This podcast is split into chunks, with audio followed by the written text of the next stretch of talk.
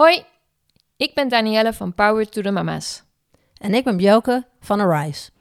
Door ons werk met vrouwen en moeders zijn we altijd benieuwd en nieuwsgierig naar het leven van andere vrouwen. In deze podcastserie Achter de Voordeur geven we je een inkijkje in het leven van deze vrouwen en gaan we het gesprek aan over moeilijke en mooie dingen. Veel luisterplezier. Zo, even kijken. Vandaag ga ik, uh, Bjelke, op bezoek bij Nelske. Uh, ik ben in het midden van het land. En volgens mij moet het hier ongeveer zijn. Even kijken, yes. Ah, mooie donkergroene voordeur.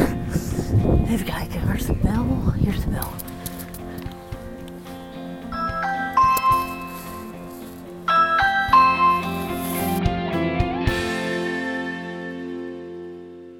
Hey Nelske, Hey. hier zit ik dan bij jou. Wij Ja. kennen elkaar al een tijdje.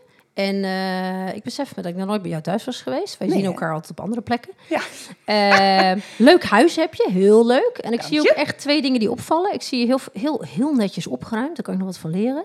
Eh, en ik zie in combinatie dan toch her en der wat, eh, nou, wat kinderlijke invloed, zou ik maar zeggen. Ik zie tekeningen op de koelkast, ik zie een poppenhuis en een loopfiets. Ja, Dit zegt iets over jou. ja klopt. Ja. Wie ben jij en eh, wat zegt dit over jou? Ja. Nou, ik zal me eerst even kort voorstellen. Ik ben eh Nelske Vink. Wij kennen elkaar natuurlijk al. Ehm, getrouwd met Ruben, bijna acht jaar inmiddels. Moeder van een dochter, Julia, van drie. En een zoon, Boris, van bijna zeven maanden nu.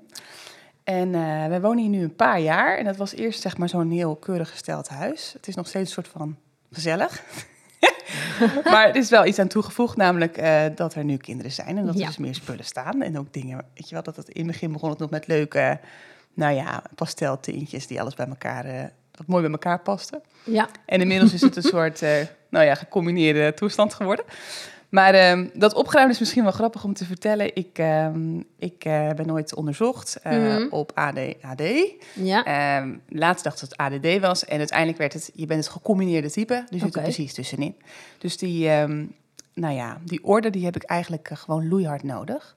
Dus in mijn hoofd is het vaak Mhm. wel een chaos. Maar in mijn huis is het altijd heel netjes. Eigenlijk altijd. Ja. Ja. ik word ook een beetje, weet je, nou ja, gewoon een beetje gek als het Ja. niet zo is. Het is echt heel naar. Ook lastig met kids. ja. Maar eh, eind van de dag is bij ons gewoon opruimsessie. Alles weer even netjes. Dus elke avond voordat ze in bed liggen, is het hier weer keurig. Ja, ik kan niet zo goed eh, ontspannen in een huis waar dat één grote chaos is. Dat doe je goed. Ja. Ja. En de grap is, mensen denken altijd dat ik het ben. Mhm. Maar mijn man eh, heeft ook wel behoefte aan orde en structuur. Oh, dat is fijn. Dus eh, we hebben tegenwoordig ook zeg maar bakjes met stickertjes erop. Ja? En er staat dan op wat er in het bakje zit, terwijl het bakje doorzichtig is. Oh, nou, ja. dat Heel idee. goed. Ja, ja. Nou, dat is, ja. dat is hier echt terug te zien. Het ziet er hier keurig uit. ja. Hey, en eh, nou, leuk dat ik hier bij jou mag zijn. ja. En eh, je bent dus moeder van twee. Ja. Eh, even kijken, hoeveel tijd zit er tussen? Bijna Ehm, Tweeënhalf jaar 2,5 ongeveer. jaar. Ja. Ja. Ja. Ja.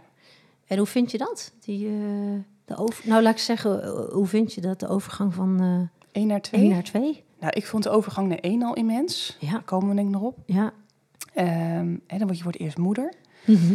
En ik vind eerlijk gezegd de overgang van 1 naar 2 ook weer heel intens. Mm. eigenlijk alles, ik vind eigenlijk alles intens. Nee, maar omdat je toch, eh, nou, je hebt altijd het gevoel dat je één kind tekort doet. Mhm. hè? Ehm, op het moment dat ze allebei aangaan, ben ik wel wat sneller overprikkeld. Ik denk ook wat sneller dan de gemiddelde vrouw Mhm. slash moeder. Dus ik vind het wel een uitdaging. Ja, ja, Ja. Maar je doet het wel. Ja, Ja. ja. ik kan niet meer terug. Nee. nee, nee. Zou je ook niet willen. Nee. zou ik niet willen zijn. Echt Hoe gaat het, maar, en hoe gaat het met slapen s'nachts? Want je noemt zeven maanden. Dat is een beetje Ja. kritisch eh, Ja. nog qua slapen, denk ik. Ja, nou de eerste was sowieso helemaal geen denderende slaper. Oké. En de tweede doet het wel wat beter dan de eerste. Maar Mm. op dit moment eh, zijn de nachten niet zo heel geweldig. Dus ik vind dat wel ehm, zoeken soms. Dat ja. snap ik heel goed. Ja. Ook dat is een Ja. eh, uitdaging. Ja. hey, en je bent getrouwd. ja, En eh, hoe doen jullie dat samen? nou dat is eh, wel iets wat, wat lukt. Het klinkt heel triest allemaal.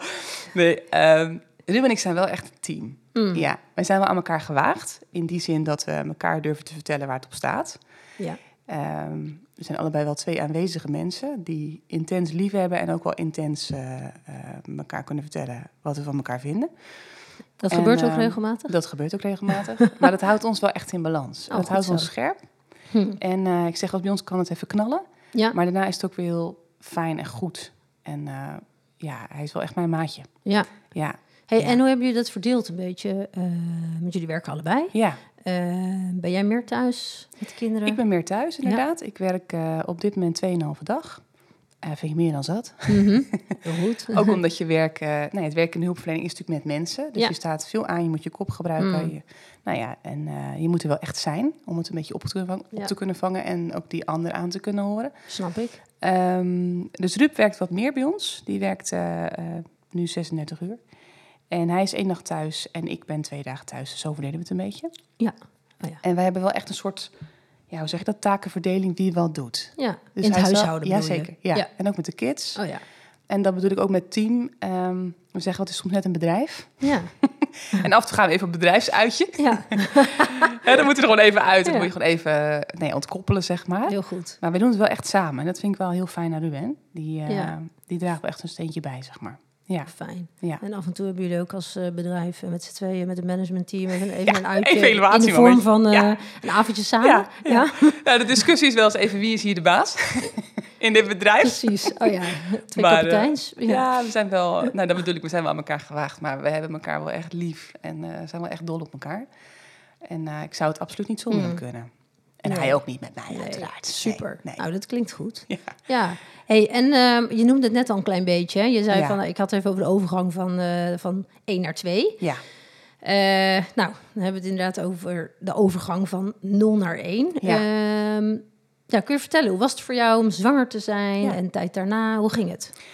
Nou sowieso tijdens de zwangerschap merkte ik al dat ik af en toe eh, best wel somber was. Hm. Eh, dat was ook gedurende de eerste, nou ja, zeg maar de eerste kennismaking met corona. Dus ons hele land eh, Ah, ja. ja. eh, raakte wat in paniek, om maar even zo te Mm. zeggen. Hè. Dat we wisten er ook nog niet zoveel over. Nee. Dus het was een heel geïsoleerd leven ineens. En eh, ik voelde me gewoon heel somber.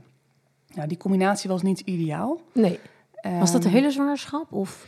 Nou, ik kan me niet herinneren dat het de hele tijd zo is geweest, maar wel, wel veel momenten Mm. dat ik voelde, ik zit niet zo goed in mijn vel. Ik geniet er niet echt van. Ik vind het meer een last, als ik Mm. heel eerlijk mag zijn. Mm. En dan voelde ik me vooral schuldig over, omdat ik dacht, ja, ik moet wel heel dankbaar zijn voor dit kindje. Ja. Ehm, en wat meespeelde is dat er privé ook wel veel gebeurde.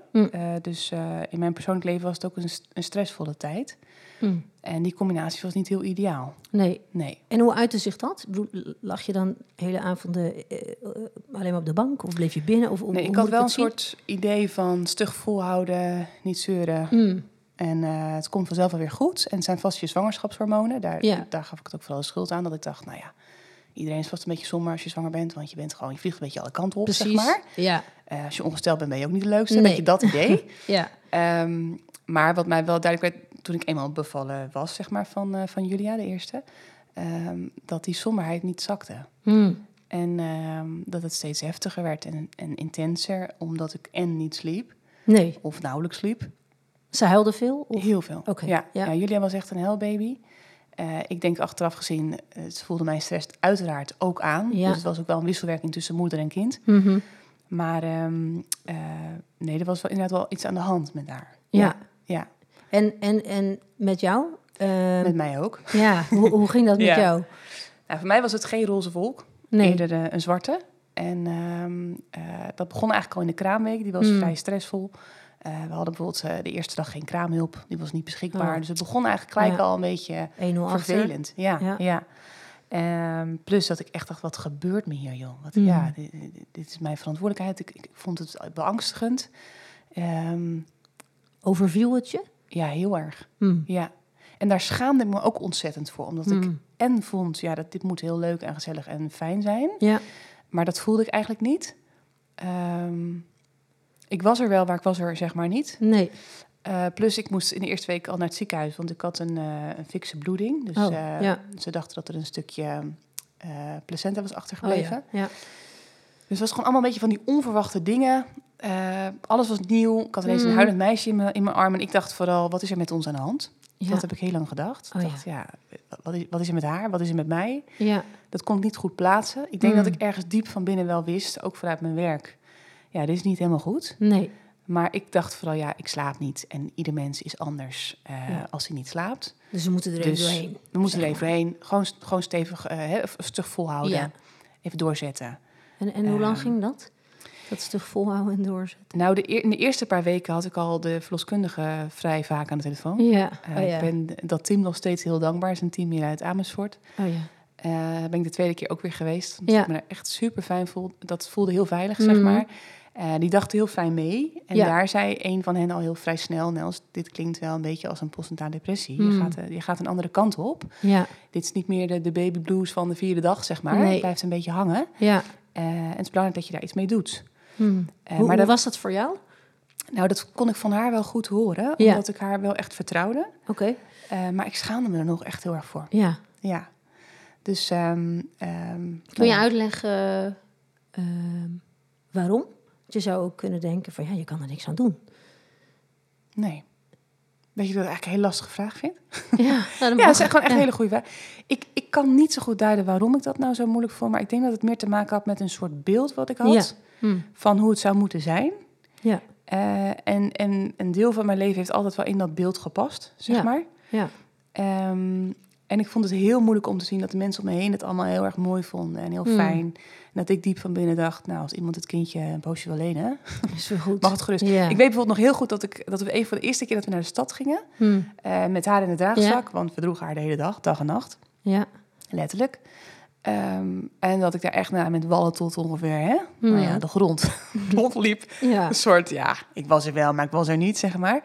Met het idee, we gaan er even uit. Ja. En dat iemand zei, schattig hè, zo'n kleintje. Geniet er maar van, want ze groeien zo snel. Oh ja. En dat ik echt dacht, nou hier heb je er. Neem er maar mee. Ja, precies. Dat meen ik natuurlijk niet. Maar Nee. zo'n gevoel van... Je snapt het compleet niet. Nee, en dat maar- ik eigenlijk schrok van mijn eigen gedachten... en dat ook niet eens tegen Ruben durfde te zeggen op dat Mm. moment. Ehm, en dat, nou ja, dat etterde zo een, een tijdje door. Ik durf wel te zeggen dat het een soort etteren was, want Ja. zo voelde het. Tot het moment dat ik echt niet meer sliep. Gewoon Nee. niet meer in slaap kwam. En Oh, zo in ja. paniek was als ik alleen was. Hmm. Dat ik tegen mijn moeder en Ruben zei... joh, wil je me een beetje in de gaten houden? Want het gaat gewoon niet goed. Nou, Nee. dat deden ze natuurlijk al lang. Ja, die Maar al lang eh, door toen was een soort van mijn moment. Eh. En dat ik zei, ehm, ja, willen jullie, ik, ik weet gewoon niet, eh, ik herken mezelf niet terug. Mm. Dus, dus wil je me goed in de gaten houden? En op het moment dat ik echt niet meer kon slapen, zeg maar. Mm. eh, dus ik sliep niet meer in en ik sliep ook niet meer door. Nee. ehm, toen grepen mijn eh, man en eh, moeder wel in. En, en hoeveel, we- hoeveel weken was je dochter toen? Ik denk, ik doe het even uit mijn hoofd, maar ergens tussen zes en acht weken Oké, dus je hebt wel zes, acht weken doorgesukkeld, Ja, ja. Ja. doorgeëtterd, zoals je zelf zegt. Ja. Had jouw man het al die tijd al door? Nou, die, die voelde wel dat het niet goed ging. Maar Nee. voor hem was het natuurlijk ook helemaal nieuw. Precies. Wat hij vooral meemaakte was een vrouw die heel veel huilde. Ja. Die heel somber was. Hmm. ehm, die er niet echt bij was. Hij ving heel veel op. Ja. Hij moest op een gegeven moment ook weer aan het werk. En dat ik dacht, ja, maar ik kan hem niet, ik, ik kan hem niet zonder jou functioneren, weet je wel. Nee. En Dan, nou, als hij wegging, begon ik te huilen. Als hij Ja. terugkwam, was ik ook nog aan het huilen. Ja, zeg maar dat precies. idee. Dus het was voor hem ook geen, eh, geen feest. Nee, heftig, hè? Ja, dat was wel heftig. dat Ja. heel intens. ja. En toen?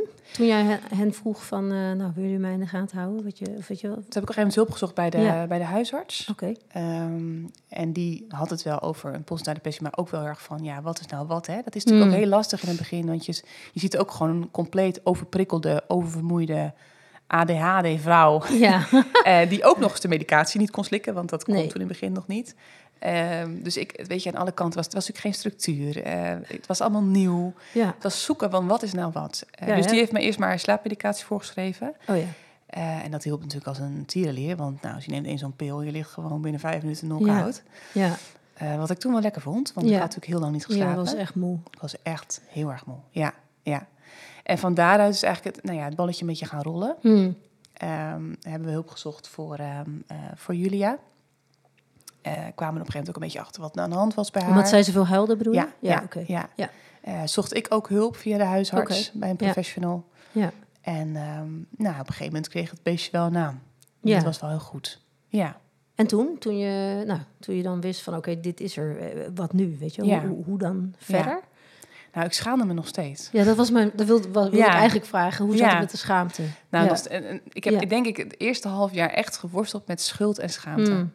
Totdat iemand tegen me zei: eh, Ja, weet je, Nels, bij schuld en schaamte eh, heb je de neiging om jezelf naar binnen te keren Mhm. en je te verstoppen. Hè? Letterlijk eigenlijk. Als je schaamt, wil je Klopt, dat ja. niet zichtbaar is. Ehm, en het is juist zo belangrijk dat er warmte bij komt en liefde bij komt. En dat het zichtbaar wordt wat, wat er daadwerkelijk aan de orde is. Hmm. Ehm, maar ik had mezelf soort van in mijn hoofd verteld: Oké, dit komt nooit meer goed. Want je bent natuurlijk je bent echt depressief. Ja, Eh, dit komt nooit meer goed. Ik kom hier nooit meer uit. Eh, ik ga nooit van het kindje kunnen genieten. Ik word nooit meer de vrouw die ik was Hm. of ben. Ehm, Dat is wel zwaar. ja, dat was heel zwaar. Ja. Hè, zeg maar Ik overzag het gewoon niet meer. Nee. Nee. En ik durfde ook eh, eerlijk gezegd niet te zeggen dat ik ooit weer aan het werk zou gaan als hulpverlener. Want ik dacht, jongen, jongen, jongen Els. Ja. Nou ben je zelf hulpverlener. Hè? Je, je, Hmm. je bent dit gaan doen omdat je graag mensen verder wil helpen en bij wil staan. ja, Maar je bent niet eens in staat om jezelf te helpen. Weet je wel, hoe ga je dat doen? dat is ook een hard oordeel. Ja, enorm. Ja, ja, ja. Ik overzag het gewoon niet meer. nee. Nee. Nee. Heftig hoor. Ja, dat was wel Ja. een heftige periode. Ja. En, en ehm, nou, je bent ook gelovig. Hoe, Ja. eh, eh, hoe speelde je geloof in deze periode een rol? Want ik kan me ook voorstellen dat het misschien ingewikkeld ligt. Of juist niet, weet ik niet. Nou ja, de, de, ik zou niet willen zeggen de zin van het leven, maar ehm, de mooie in de dingen in het leven, daar kun Hmm. je op dat moment niet zo goed van genieten. Hè? Op het Nee. moment dat je zo somber bent, eh, dat je eh, langdurig somber bent, dat je nergens meer zin in hebt, dat je heel erg moe bent, dat je niet blij bent met je baby, dat je er niet echt van kan genieten. Eh, dat geeft een soort machteloos, wanhopig gevoel. Hmm. En het maakte mij ook angstig. Ja. Ehm, ehm, en, en ik merkte ook daarin dat ik het heel erg zoeken vond van, ja, waar is God in dat hele verhaal? Hè? Ja. Ja. Eh, en wat ik echt heb moeten leren is, eh, zeker als mensen hadden over, eh, nou je hebt een hoopvolle toekomst, hè? Want Ja. dat is toch wat we als christenen ook geloven, waar we Mhm. vanuit gaan, ehm, waar we ons aan vasthouden. ja. Dat vertrouwen was ik echt wel een beetje kwijt. Hmm. Of niet een beetje, dat was ik behoorlijk kwijt. Maar wat me op een gegeven moment echt heel erg heeft geholpen, is dat, dat ehm, ik heel erg gefocust was op het moet weer goed komen. Hè? Het moet Mhm. weer goed gaan met mij, met ons kind, met, met ons als Mhm. gezin. Ik moet weer kunnen functioneren in de maatschappij. En hoe kom ik daar dan weer? Dus ik was heel erg gefocust en gericht op de uitkomst. Ja. En ik heb echt moeten leren, ehm, nou ja, ook in gesprek met God, in gesprek Mhm. met anderen, in gesprek met mezelf, dat eh, dat, dat vertrouwen, zeg maar, ehm, eh, niet afhankelijk is van de uitkomst, maar dat het geworteld mag zijn in degene die te vertrouwen is. Hmm. En dat God Mooi. nog steeds te vertrouwen is, ook al voel ik dat even niet zo. Eh, en dat geloven soms ook letterlijk betekent dat je. Geloven betekent voor mij Mm. ook, ik zeg het even uit mijn hoofd, maar letterlijk dat je eh, vertrouwt op iets wat je niet kunt zien. Nee. Ehm, dus het staat soms even los van je gevoel. Maar hoe deed je dat letterlijk? Want ik vind Nou, het heel mooi. Maar zeg maar met je hoofd geloven. Het klinkt een beetje Ja. stom of misschien heel simpel, maar dacht oké, ik voel het nu even allemaal niet, maar ik geloof het wel, En zei je dat dan heel vaak tegen Ja. jezelf? bijvoorbeeld. Oké. En ik zei het ook tegen God. Hm. Ehm, en dat, dat vloog een beetje alle kanten op. Want ja, de kinderen in Afrika, hè, Ja. die, die, die, en ik zeur hierover, Precies. dat. Ja. Eh, en op andere momenten weer, nou, eh, ik sta hier nu al drie uur met een huilende baby s'nachts. U hoeft maar in uw vingers te knippen en er gebeurt toch iets? Waarom doet u niks? Ja. Dat, zeg maar. Dit, dit- ik vloog alle kanten op. Mhm. Ehm, dus voor mij raakte het heel erg mijn vertrouwen in God en de basis weer van wat geloof ik nou eigenlijk over God? Geloof ik nou dat hij goed is, dat hij trouw is, Mhm. dat hij van me houdt en dat hij ook voor me zorgt, ondanks dat ik nog niet zie dat het weer beter mag gaan, zeg maar. Een keuze eigenlijk. Ja, Ja. ja. Heeft het je relatie versterkt? Nu? zeg Met? God? Ja. Als je nu terugkijkt. Ja, nou ja, in die zin dat ik me... eh, dit gaat echt heel erg ouderwets klinken. Of een soort van, maar eh, wat ik wil eigenlijk zeggen, hoe ouder ik word, hoe meer ik... eh, ehm, ja, hoe ouder ik word, hoe meer ik ervaar dat we leven in een geestelijke wildernis. Mm. Ehm, en dat we met vallen en opstaan in vreugde en verdriet steeds weer mogen onthouden dat we een goede God dienen en Mhm. dat we die mogen volgen. En dat geloof ik echt met heel mijn hart. Maar dat betekent wel dat je je nog in die wildernis begeeft. Ja. Eh, en ik noem het bewust een geestelijke wildernis, omdat ik het leven heel vaak heb aanschouwd als een soort van: ik leef hier en God is daarboven. Mhm. En nu zie ik het veel meer als een soort geestelijke weg, of niet een soort, als een geestelijke weg Mhm. die je bewandelt, waarbij ik heel bewust moet kiezen voor God soms. Ja. Ehm, kies ik voor mijn vriend of kies ik voor de vijand, zeg maar? Ja. Geef ik de vijand de ruimte of kies ik ervoor om in gesprek te gaan met mijn vriend over wat er daadwerkelijk gebeurt? ja, dus het heeft eigenlijk je kijk op God heel erg veranderd. Ja, absoluut. Ja. Ja. Maar dat geldt denk ik voor alle hoogte- en dieptepunten in Mm. mijn leven. Ja. Het, het, het, ehm, ja, dat God niet een of andere Sinterklaas is die, die, eh, eh, die ons altijd alles geeft wat we willen. Nee. A, omdat ik geloof dat het zo niet werkt. En B, eh, omdat hij weet wat goed is voor me. Ja. En het mooie is dat ik nu zeg maar vrouwen ontmoet die Mhm. of iets soortgelijks meemaken. eh, of eh, bang zijn voor, voor dat zoiets kan Mhm. gebeuren in hun leven. Of daar nog middenin zitten. Dat je heel nabij kunt zijn. Omdat je hebt geproefd van dezelfde gebrokenheid. Ja. Dat je, dat je je- snapt hoe dat voelt. Dat je naast ze kunt staan en Ja. kunt uitleggen. Ja, Ja. Of, of er gewoon kunt Ja. zijn. Ja. Ja. En ook dat je kunt verdragen dat je er soms gewoon machteloos naast staat. Mm. En daar bedoel ik niet mee dat je niks meer kunt doen, maar dat je er moet verdragen dat je het niet voor die ander op kunt lossen, maar dat je er alleen wel kunt zijn. Hè? Dat Ja. je kunt bidden, dat je Mm. kan meeleven enzovoort. Dat natuurlijk wel. Maar dat je verdraagt dat die ander voelt wat hij voelt. Mm. En eh, eh, dat is voor mij wel Mooi. hele belangrijke geweest. Ja. Ja. Ja. Ja. Ja, en dat stukje herken ik natuurlijk. Want wij, wij kennen elkaar Ja. eigenlijk... Ja. eh, nou, we kennen elkaar misschien ergens anders van... maar wij hebben zo'n goede connectie ook... doordat wij een beetje hetzelfde hebben meegemaakt. Hè? Ja. Het zij op een heel ander niveau enzovoort. Maar ik begrijp eh, dus heel goed waar je het over hebt. Ik heb ook een eh postnatale depressie gehad ja. bij mijn eerste. En bij mijn tweede op het randje. Hoe was dat voor jou bij de tweede? Nou, dat is gelukkig heel anders gegaan. Oh. Misschien nog wel mooi om te noemen. Ik heb jou ook toen, dat weet ik nog, in een van die eerste weken een, Ja. een spraakje gestuurd. Dat een weet soort wanhoop. nog. Ja. Ja. Ja. Ja. en dat heb ik me echt gehoord en gezien gevoeld. Het was echt heel mooi wat je toen deed, wat je Mm. toen zei. Ja, want Maar- ik herken dat stukje. Ja, wat je zegt dat je dan naast andere... Mijn zoon is wat ouder, dus bij mij was het wat eerder gebeurd. En dat wist je ook. Ja, En het is mooi dat je dan eh, ja, misschien alleen maar een soort luisterend oor kunt zijn voor vrouwen. En ook dat stukje schaamte eraf kan halen. Ja. ja. Het is oké wat je voelt. Ja, Ja. zeker. Ja, Maar absoluut. goed. Ik, Goed. Wat was je vraag? de- Oh ja, de tweede. Ja, ja. Bedankt voor deze structuur. Ehm, de tweede. Nee, de tweede was, was dus, ik was heel eh, anders voorbereid. Hmm. Dat sowieso. Ik was wel heel erg bang dat het me nog een keer zou overkomen. Ja. Want ik was opnieuw somber in de zwangerschap. Niet continu, maar wel bij vlagen. En is er een herhalingskans? Ik geloof het wel. Ja, dat zeg ik even uit mijn hoofd. Maar volgens mij, als- de percentage weet ik niet precies, maar die kans is zeker aanwezig. Ja, dus, dus je angst was ook deels gegrond. ja, Ja. absoluut. Ehm, ik heb hulp gezocht bij de poppoli in het ziekenhuis. Oh ja, dat ken ik. Maar Ja. kun je uitleggen wat dat is? Ja, dat is een, eh, eh, ze, ze bieden veel meer, maar onder andere zijn ze er onder- voor vrouwen die eh, een heftige bevalling hebben meegemaakt. Ja. Of iets soortgelijks hebben als, ik, als wij, zeg maar. Ehm, dus te maken hebben gehad met een post na depressie of daar bang voor zijn Mm. of daarin zitten. En ze doen veel meer dan dat. Ik, ik doe ze nu niet helemaal recht, maar dat is wat in ieder geval mijn ervaring is geweest. Want ik ben Mm. er maar heel kort geweest uiteindelijk. En het was meer, ehm, eh, ik heb, heb die gesprekken gezocht, zeg maar. Ik heb die mensen gezocht omdat ik dacht, ik wil een soort plan B. Was dat tijdens de gaat. zwangerschap? Ja. Oké. Ja. Ter Ja. voorbereiding op. Ja, ter voorbereiding op. Mm. Ja. En dat heeft mij enorm geholpen. Dat we, Ja. een soort, ja, we hadden een soort veiligheidsplan van hey, wat ga je doen? Wat zijn de signalen als je merkt dat het weer bergafwaarts gaat? Mm. Eh, wie kunnen je daarbij helpen? Ja. Ehm, wat merk je dan aan jezelf? Ja. Eh, welke afspraken ga je maken met de mensen om je heen? Dus ik, ik voelde me veel meer voorbereid voor als het nou weer zo gaat. Dan weet ik in ieder geval wat ik kan doen. ja, je stond veel steviger eigenlijk in je schoenen. Ja, Ehm, ja, Ja. goed. ja. Oké.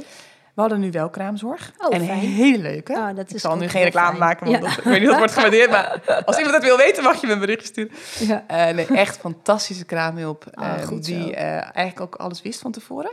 Ah, en die fijn. heel, ehm, eh, heel fijn meedacht. Mm. Het was echt een feestje dat zij er was. Goed zo. De hele week was anders. Mm. Ik heb hele andere keuzes gemaakt. Ik, ik vond het verrukkelijk. Ja, ja. Je vond het echt verrukkelijk? ik vond het oprecht verrukkelijk. Dat kan dus. Kijk, de onderkant vond ik minder verrukkelijk. Ja, dat snap ik. Hè? Maar dat snap je? Maar het Eh, geestelijke deel. Het geestelijke deel. Ja, nee, Ja. maar zonder dol. Het geestelijke deel, ja, gewoon dat je merkt, ik, ik kijk naar dat yogi. Ik geniet ervan, wat mooi, Mm. dankbaarheid, eh, blijdschap. Dat Vond je dat ook dan. confronterend? ontzettend. Ja. Want toen pas eigenlijk ontdekte ik wat ik had gemist met Julia. Mm.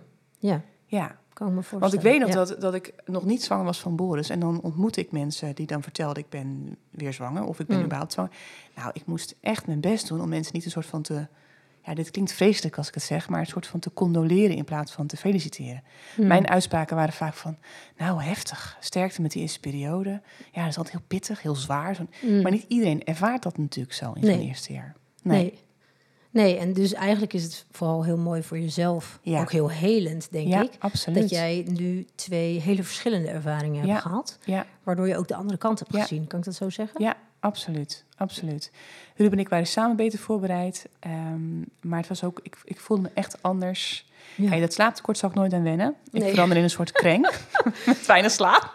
Te weinig slaap doet niemand ooit goed. Doet niemand goed. Nee. Nee. wordt echt een andere versie van jezelf. Zeker. En dat is er natuurlijk echt wel. Mm. Maar dat is passend, denk ik. En, en, en eh, heel begrijpelijk. Ja, Ja, snap ik heel goed. ja, ja. Hey, eh, je noemde al even van als je dan andere moeders tegenkwam hè, die ook, ook zwanger zijn, of, of de, eerste of de tweede. Of, heb jij ehm, eh, in die tijd, eh, misschien bij de eerste of juist bij de tweede, ook veel contact gehad met andere moeders? Was dat juist sorry, dit zijn twee vragen in één, maar heb je veel contact gehad? En zo ja, hoe was dat? Ehm, even nadenken hoor. De- tijdens de eerste zwangerschap was ik me... ehm, nou, was ik vooral zo aan het overleven dat ik niet te veel mensen om me heen wilde. Dat ook echt Mm. niet kon verdragen. Dus ik had een heel klein mini-mini groepje om me Mm. heen van mensen die ik vertrouwde. Dat was best ingewikkeld voor de mensen die van me houden en die dichtbij willen staan, zeg maar. En die er voor me wilden zijn. Dus dat, die sloot ik echt, nou, die hield ik een beetje op afstand, omdat ik dat gewoon niet erbij kon hebben. Nee. Ik had echt meer dan genoeg aan mezelf. De tweede keer heb ik het veel meer gedeeld met mensen om me heen. Eh, sowieso in mijn werk ontmoet ik natuurlijk veel moeders, Ja. vrouwen. Ja, snap ik. Daar kon ik echt van betekenis zijn. Dat Mm. vond ik echt heel erg mooi. Ehm, en, en vriendinnen die zeg maar iets meemaken, dat je het gewoon kan relativeren met elkaar. Van hé, hey, het is soms eh, intens mooi Hmm. en soms is het intens ingewikkeld. Ja, Hè, het is er allebei. ja. ja, want dat is eh, denk ik ook zoals je het deelt met vriendinnen. Kijk, ieder, iedere bevalling en ieder, eh, iedere zwangerschap is een ander verhaal. En het bestaat allemaal. Ja, Dus het is waar dat Ja. één eh, een makkelijke bevalling heeft en daarna op een roze wolk zit en nooit meer anders zou willen. En het is ook waar dat iemand een ja, verschrikkelijke zwangerschap heeft en daarna ook verschrikkelijk vindt. ja, Ehm, dat kan allebei. ja. Het is Ja. toch gek dat er op één eh, veel meer schaamte ligt. Ja. Dat, dat is Ja. ook wel begrijpelijk natuurlijk, maar dat is eigenlijk jammer, want het, de verhalen zouden veel meer door elkaar mogen lopen. Absoluut. Deel jij daar nu ook veel over? Eh, ja, waar ik kan. Ik Mm. ben sowieso iemand die best wel snel iets van zichzelf deelt. Achteraf Mm. denk ik dan, wat heb ik nou eigenlijk allemaal gezegd?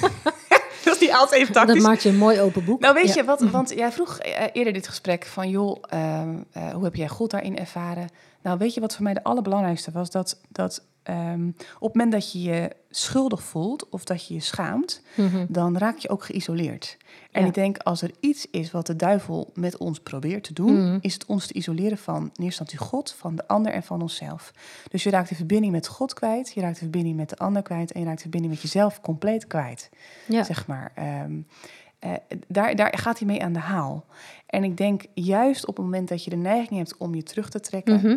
Ehm, eh, of nee, dat je voelt van, nou, laat mij maar, laat mij het maar uitzoeken, of dat je heel eenzaam voelt, dan heb je de ander dus heel hard nodig. Ja, dus eigenlijk wat je deed bij je eerste zwangerschap, buitensluiten, Ja. ook verwijdering van God. Je, Ja. je zegt nu eigenlijk, Ja. dat is juist niet wat je zou moeten doen. Nee. zoek juist Nee, mensen en ook, op. Ja, en ook dat God opzoeken en de ander opzoeken, want daar Mm. heeft hij ons voor gemaakt. Ehm, want ik denk dat, dat ongeacht onze gevoelens hè, van eenzaamheid, want die Ja. kun je natuurlijk wel degelijk voelen, eh, of je alleen voelen, Mm. dat God wel aanwezig is. En dat hij eh, nabij is en dat hij present is. Mm. En dat heb ik wel echt ervaren in die periode. En dat is ook wat ik probeer te doen als ik anderen eh, daarmee zie worstelen, dat ik dat noem. Hè, van, weet je, ook al heb je de neiging om je terug te trekken, heb je de neiging om je af te Mm. sluiten. We hebben verbinding met de ander nodig. Dat maakt ons ook mens. Ja, juist. ja. En, ehm, en natuurlijk dat je dat wel zoekt bij mensen die veilig voor je voelen. Mm. Dat is denk ik wel echt een hele belangrijke. En wat ik, wat ik daarin ook echt heb, heb eh, mogen leren, is dat, ehm, eh, dat onze levens complex zijn, eh, maar dat ze ook vol van betekenis zijn en Mm. ongelooflijk mooi. En dat dat vaak tot uiting komt in het contact met die ander.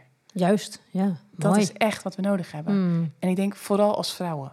Ja, Hè, dat je, we hebben anderen gewoon nodig om mensen te zijn. absoluut. Ja. Ja. Ik weet even niet hoe Mooi je gekomen, gezegd. maar Nee, we- maakt ook niet uit. Ik weet het ook niet meer. Het, is, het, is, het is mooi hoe je het zegt en, Ja. en dat is het ook, ja. Ja, Dus eh, ja, Ja. elkaar juist zoeken. Ja, je zei Ja. ook inderdaad van dat je, nou, eh, elkaar blijven vinden en God blijven vinden. Ja. Dat zorgt er juist voor dat er geen ruimte krijgt. Minder ruimte ook voor die negatieve gevoelens enzovoort. Ja, Ja. en dat dus de schaamte eraf gaat, Ja. want daar ging het over. ja, Ja. ja. Ehm, nou, mooi. Jij kunt dus ook wel echt nu nog steeds het moederschap delen met... eh, want ik bedoel, de kinderen worden steeds ouder. Dus je hebt in het begin inderdaad misschien veel over je Ja. depressie enzovoort. Maar Ja. goed, je krijgt nu weer hele andere dingen. Je Ja. dochter is drie. Ja. Eh, ik neem aan dat ze een eigen wil heeft. Ontzettend. ja, we hebben er wel eentje met een karaktertje. Ja, dus ook dat Ja. is denk ik fijn om te Ja. ventileren met anderen. Ja, absoluut. Ik, ehm, een van de dingen die me hielpen is... ehm, ik weet nog dat Julia één werd. En dat ik mezelf in de spiegel keek en zei... hallo, daar ben je weer. Zoiets van, welkom. Hè? Ja. Toen voelde ik echt weer, oké, nou ben ik weer een beetje Nels, zeg Ja, maar. Een jaar is het dus geduurd. Ja, hele- Ja. niet de hele, de hele depressie, maar wel eh, dat ik voelde, oké, ik ben er er weer. Ja, ja. En ik weet niet zo goed wat ik ben er weer dan precies allemaal inhoudt. Maar gewoon het gevoel van, Mm. oké, ik, ik, ik, ik ben weer een beetje Nels. Ja. Eh, in een nieuw jasje, zeg maar. Ehm, dat was ook het moment dat ik weer eh, het contact zocht met, met de moeders om me heen, met name de moeders in de buurt. Ja. Eh, ze moeten waarschijnlijk lachen als ik dit zeg, maar ik noemde ze altijd de speeltuinmoeders, want ze waren altijd in die speeltuin. En ik dacht, daar ga ik dus echt niet zitten. Ik word niet zo'n moeder die daar dan steeds met een kind zit te dollen. maar inmiddels zit ik daar bijna elke dag. Ja. En het mooie is dat ik juist daar ook de verbinding heb gezocht met Mm. vrouwen die eh, in dezelfde fase zitten. Ehm, eh, de ene is wat verder dan de ander. Andere Mm. situaties, andere uitdagingen, absoluut. Maar in de basis ehm, vinden wij elkaar in het moederschap, in het vrouw zijn. En dat delen we ook. Mooi. Ja. En ehm, eh, wat dat me heeft opgeleverd is dat, ik, eh, eh, dat we elkaar er steeds aan moeten helpen herinneren van... oké, ik kan doen wat ik kan doen en dat is genoeg. Hmm. En eh, ehm, ja, helpen, elkaar helpen om mild te blijven naar onszelf. ehm, liefdevol te blijven naar onszelf. En tegelijkertijd ook wel te zoeken naar... oké, maar wat vinden we nou wat van bepaalde dingen? Waar wil je nou eigenlijk voor gaan? Hmm. Want als me één ding echt opvalt bij... eh, of in het contact met andere moeders... Ja. dan is het wel dat we regelmatig tegen elkaar zeggen... we doen allemaal maar wat. Joh, Ja. we doen allemaal maar wat. Heel goed bedoelde opmerking, een Mhm. liefdevolle opmerking... om elkaar wat te stutten en te steunen. Maar ik heb daar veel over nagedacht de laatste tijd. En Mhm. ik realiseerde me, ja... voor mij klinkt dat toch een beetje... niet altijd hoor, want soms doe je maar wat... maar het klinkt toch een beetje als... zijn we hier nou met z'n allen een beetje aan het klungelen of zo? Ja, precies. Weet je wel? Terwijl, hallo, kijk eens naar die kinderen. Die zijn Mm. hartstikke waardevol. Ka- Kan ik me dat wel permitteren om zo met mijn kind om te gaan? Wil, wil ik dat eigenlijk Mm. wel, zeg maar? Hè? En, en toen ik mezelf die vraag stelde en daar kritisch in Mm. was eh, richting mezelf... toen ehm, realiseerde ik me eigenlijk, ja, als ik nou moet kiezen tussen een beetje aanklungelen... of zoeken, hoe kan ik een positieve bijdrage leveren in het eh, leven van mijn kind... Van ons kind, van onze kinderen... eh, dan kies ik voor de laatste. Ja. En hoe word ik nou zo'n vrouw? Want ik heb dus wel degelijk invloed. Hmm. Doe ik het allemaal perfect? Nee, natuurlijk niet. Het gaat niet om streven naar perfectie, maar het gaat, gaat volgens mij om dat je zoekt naar, oké, ehm, eh, wat voor moeder ben ik eigenlijk? Ja. Wat, wat, wat, eh, wat, hoe zit ik in elkaar? Wat geef Ja. ik door aan de volgende generatie? Wat wil ik doorgeven aan de volgende Mm. generatie? Wat heb ik zelf meegekregen van huis uit? Dat soort vragen. Dat je onderzoekt Mooi. wie je bent als moeder, waar je voor staat, waar je voor gaat. Ehm, ja, dat soort vragen. En, en mij heeft dat heel erg geholpen en het helpt me nog steeds, want dit is Mm. iets wat ik moet blijven doen Zeker. Ja. met vallen en opstaan. Ehm, het helpt mij heel erg om mezelf regelmatig de vraag te stellen: oké, wat zijn nou de dingen die ik door wil geven? Ja.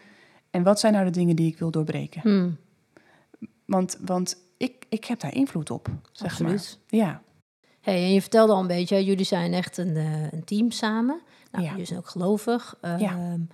Ik denk dat het geloof ook een eh, rol speelt in de opvoeding. Kun je daar iets meer over vertellen, hoe jullie dat doen? ik moet zeggen dat het iets is wat ik een uitdaging blijf vinden. ehm, voor ons allebei. Maar wat we in ieder geval proberen is eh, op te laten groeien in de kerk. Mhm. Dat we ze meenemen naar Gods huis. Dat is voor ons beiden heel erg belangrijk. Eh, dat we daar aan tafel eens over praten.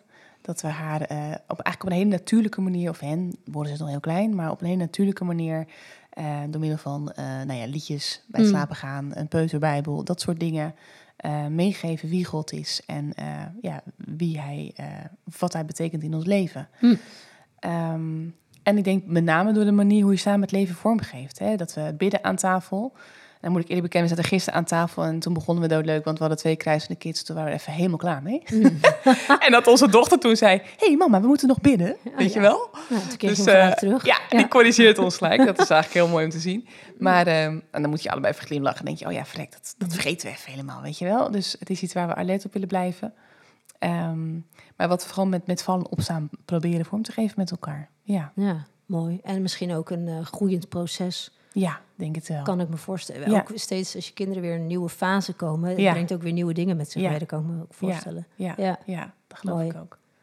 Hey, en als we het hebben, we hebben het eh, hè, over opvoeding, over, eh, nou, over moeder zijn, over geloof. En als jij nou nadenkt hè, van wat zou je nou, als er één ding is, wat zou je je kinderen het allerliefst mee willen geven in het leven? het allerbelangrijkste voor mij is dat ze weten dat ze zowel door een hemelse vader als door ons als ouders onbeperkt en onvoorwaardelijk geliefd zijn. Hm. Dat is voor mij echt de basis. Mooi. Ja. En hoe doe je dat, denk je?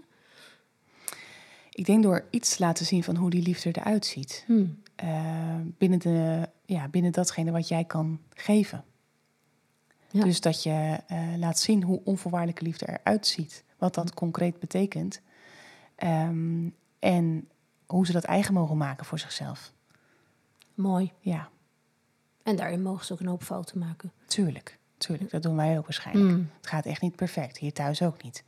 Nee, Nee, dat nee. herkennen we allemaal. Ja, ja, ja, Mooi. ja. Maar dat je bijvoorbeeld, een heel concreet voorbeeld, dat je eh, als het een keer, eh, als je een keer uit je plaat gaat, of je, eh, je, je pakt ze net iets harder vast dan je eigenlijk wou, Hmm. of eh, je streelt wat meer dan je zou willen, of je bent wat meer kort af, weet je, dat soort dingen hebben we natuurlijk allemaal wel eens last van. Mhm. Dat je, dat je die momenten ook weer kunt herstellen. Ja. Wij zeggen hier best wel regelmatig sorry tegen elkaar. Mm. Iemand zou uit tegen me, ja, moet je gewoon zorgen dat je niet zo vaak sorry hoeft te zeggen.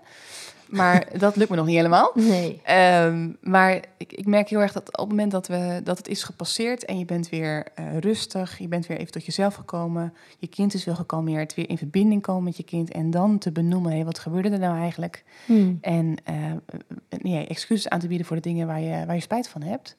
Eh, of dat je kind excuus aan moet bieden Ja. voor datgene wat niet helemaal oké was. Hmm. Ehm, dat herstelt ook weer iets. Het zet weer iets recht. Ja. En het maakt dat we weer opnieuw mogen beginnen. En dat je Mooi. dus ook leert, oké, het kan wel eens misgaan. Mhm. Maar we kunnen dat ook weer repareren met elkaar. Ja, Ja, mooi. dus dat, Klinkt heel veilig. Ja. ja, dat probeer ik wel. Hmm. Ja, ja, ja. Je mag zijn wie je bent. En eh, er mag zijn wat je voelt. Ja, Ehm, en en dat, dat bespreken we met elkaar. Ja. ja. mooi. ja. Ik ben nog wel even benieuwd. Je hebt een heleboel meegemaakt. En ik heb eigenlijk nog eh, twee korte vragen. ja. Ik weet niet of je daar ook kort op kan antwoorden. Dat gaan we zien bij jou. Standaard niet. Ehm, als je één ding moet noemen wat je uitdagender of, of intenser, of noem het maar ook, vindt dan dat je van tevoren gedacht had, wat is dat? Ik denk te leren dat er een tijd en een taak ehm, en een seizoen is voor alles wat Mm. we doen. En dat het steeds weer de uitdaging is om te ontdekken wat past in welk seizoen, op welke dag enzovoort. Dat is de Zo. korte versie. Nou, dat is een korte versie. Die laten we even hierbij. Daar Ja. kan je nog even goed op, Ja, op doorkouwen. Ja. en eh, ik kijk naar jou, hè. ik zie jou eh, gewoon zoals je bent. Stralend mens. Je zit hier ook de hele met een big smile naar mij te lachen. En ehm, nou, ik, ik, ik vind het echt mooi om te zien ook hoe je nog meer jij geworden bent. Mhm. En als je dat nou zelf zou moeten beantwoorden, van hoe heeft dan het moederschap zeg maar jou een mooier mens gemaakt? mooie vraag. Wat een mooie vraag allemaal. Ehm, nou, dat voordat ik moeder werd, Mhm. Dus dus even een stapje terug. Het wordt iets langer uit, eh, antwoord, je het even. Maar dat eh, voordat ik moeder werd, eh, heb ik moeten leren dat het zorgen voor de ander niet mijn identiteit bepaalt. Dat is Hmm. ook eh, waar ik in mijn boek op doorga. Dat is echt mijn thema. Hmm.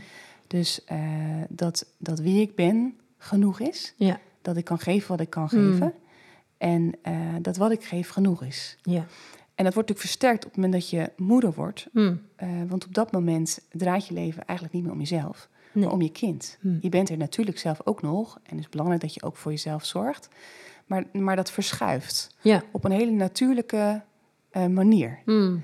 En dat heeft mij nog meer uitgedaagd in, en nog steeds trouwens, het daagt mij nog steeds uit in wie wil ik zijn als mens, wat wil ik doorgeven Hmm. en hoe kan ik er zijn voor mijn kinderen. Eh, hoe zorg ik voor hen? Hmm. En hoe draag ik iets bij? En dat maakt dat ik me iedere dag moet afvragen van... hé, wat heb ik te geven? Ehm, en, en, en hoe zet ik dat in? Ja. Dus dat ik rekening houd met mijn rijkwijde, Hmm. zeg maar. Van wat ik kan dragen en wat ik kan geven. Mooi. Je geeft wat je kan. Ja, En goed dat je dat, daar ook bewust in bent. ja, En dat dus eh, nou, heel wel overwogen doet. ja. en Ik doe een poging. Precies, je doet een, ja, maar Ja, je doet een poging. Ja. Zeker. ja, Maar dat is al heel goed. ja, Maar wel een weloverwogen poging. ja. dus dat is mooi. Ja, ja. Is er nog iets wat jij kwijt wil? Ik zit te denken... Ja, misschien alleen voor de vrouwen die dit luisteren en die het herkennen. Want dat is natuurlijk maar een klein deel. Ja. Maar ik kan me voorstellen als je dit luistert en je zit er middenin... Hè, of je In de ervaart depressie in bedoel de je nu, depressie, in de, eh, de sprake van de postdepressie, dat je zoekt naar, oké, hoe kom ik nou weer een stapje verder, zeg maar. Hè? Hmm. Ehm, en ik had iemand die ooit eens tegen me zei, wat me echt enorm heeft geholpen. En ik dacht, misschien is dat nog mooi om te noemen. Zeker doen. Ja? Ja. Ehm, dat is dat verhaal van David en Goliath. Ik lees het eh, bijna elke dag met mijn dochter, want dat is ongeveer een van haar favoriete verhalen. Ja. Geeft komt je neus uit. Je kent het Maar wel. eh, elke keer als ik met haar dat boek lees, dan moet Mhm. ik heel vaak denken aan het verhaal wat ik van die persoon leerde. En die zei tegen mij, Nels, ken je dat verhaal van David en Goliath? Ik zeg, ja, uiteraard. Hè, en vertelde, we hadden het Mhm. over, over eh, de Filistijnen, maar we hadden het vooral over die reus. Hè? Goliath, de reus, Mhm. die verslagen moet worden. En dan zei ze, je moet twee dingen onthouden als je het gevoel hebt dat er een reus in je leven is. En zo voelde die depressie Mhm. voor mij wel echt. Is één, weet dat je aan de winnende kant staat. Vond ik een hele mooie. Mooi. En twee, zoek een paar goede stenen die je kunnen helpen. Hm. En daar bedoelden ze mee gebed, eh, een hulpgroep. En dat kan zijn praktische hulp, emotionele steun Hm. ehm, of professionele hulp, mensen om je heen. En ze zei eh, drie, kies een wapen waar je vertrouwen in hebt. Hm. En eh, dat vond ik altijd wel een mooi voorbeeld. Mooi. Ik dacht, oh ja, hoe verslaan we die reuzen nou eigenlijk in ons leven? Nou, die drie zijn heel belangrijk. Mm. Dus weet dat je aan de winnende kant staat. Zoek een paar stenen. En eh, kies een wapen waar je vertrouwen in hebt.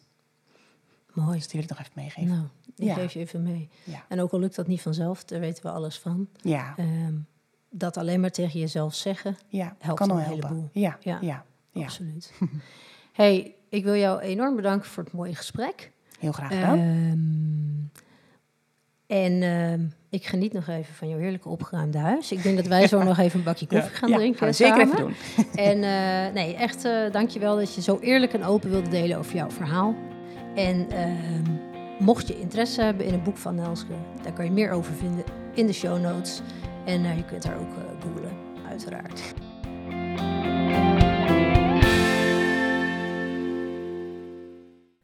Dit was de Achter de Voordeur podcast van Power to the Mama's.